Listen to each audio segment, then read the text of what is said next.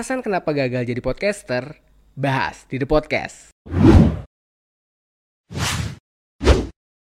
Jadi podcaster itu emang kelihatannya mudah. Tinggal ngomong, record, edit, upload, selesai.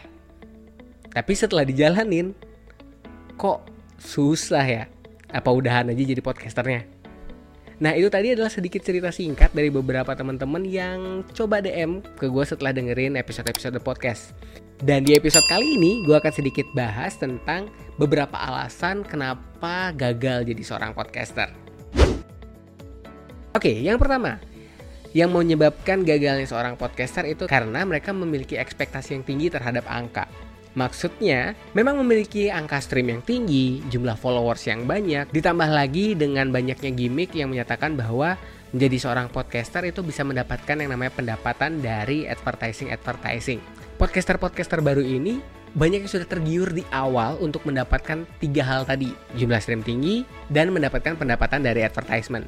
Nah, hal ini terkadang membuat mereka lupa untuk menentukan konsep, merancang materi, Kemudian ya melakukan improvement untuk menjadikan konten podcastnya lebih berkualitas. Gak ada yang salah dengan ekspektasi yang tinggi tersebut. Tetapi kembali lagi, yang namanya hasil itu pasti melalui yang namanya proses. Nah, jika kita hanya berharap pada hasilnya tanpa melalui prosesnya, maka angka yang menjadi target tadi hanya sebatas angka yang ya mungkin bisa jadi semacam hayalan untuk kita gapai. Karena peluangnya kecil banget sih kalau kalian hanya berfokus pada hasil tanpa memperhitungkan proses yang harus dijalankan.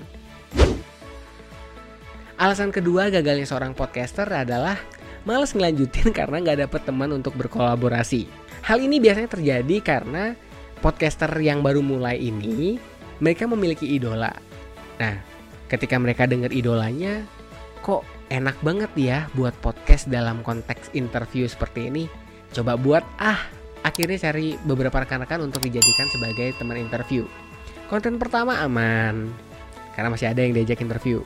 Kedua, oke okay, masih ada 3, 4, 5 aman. Konteks keenam, bingung karena nggak tahu siapa lagi yang mau diinterview. Nah di sini gue mau ingetin sekali lagi ya. Jadi kalau kalian mau buat konten podcast, buatlah yang memang sesuai dengan kemampuan kalian. Kalau memang kalian sanggupnya buat yang monolog, buat yang monolog aja nggak masalah. Dan kalau misalnya kalian memang mampu untuk membuat yang namanya dialog dan kalian memiliki relasi yang luas, ya nggak masalah. Intinya kalian yang tahu di mana batas kemampuan kalian. Jadi kalau kalian sudah tahu kemampuannya, gue yakin masalah yang tadi di atas nggak akan terjadi pada kalian. Nah yang ketiga alasan gagalnya podcaster baru adalah mereka hanya konsisten di awal. nah yang ini biasanya kejadian pada podcaster-podcaster baru yang lagi semangat-semangatnya dan berusaha untuk mengupload konten podcastnya setiap hari. Emang ada bang? Ada lah, banyak bahkan. Memang konsisten adalah salah satu kunci untuk menjadi podcaster besar. Tetapi konsisten yang dimaksud di sini adalah sesuai dengan kemampuan kalian. Kalau memang belum sanggup buat konten podcast setiap hari, ya jangan dipaksa. Kalian bisa kok buat konten podcast dua hari sekali atau mungkin seminggu dua kali atau kalau sanggupnya seminggu sekali kayak ada podcast nggak masalah.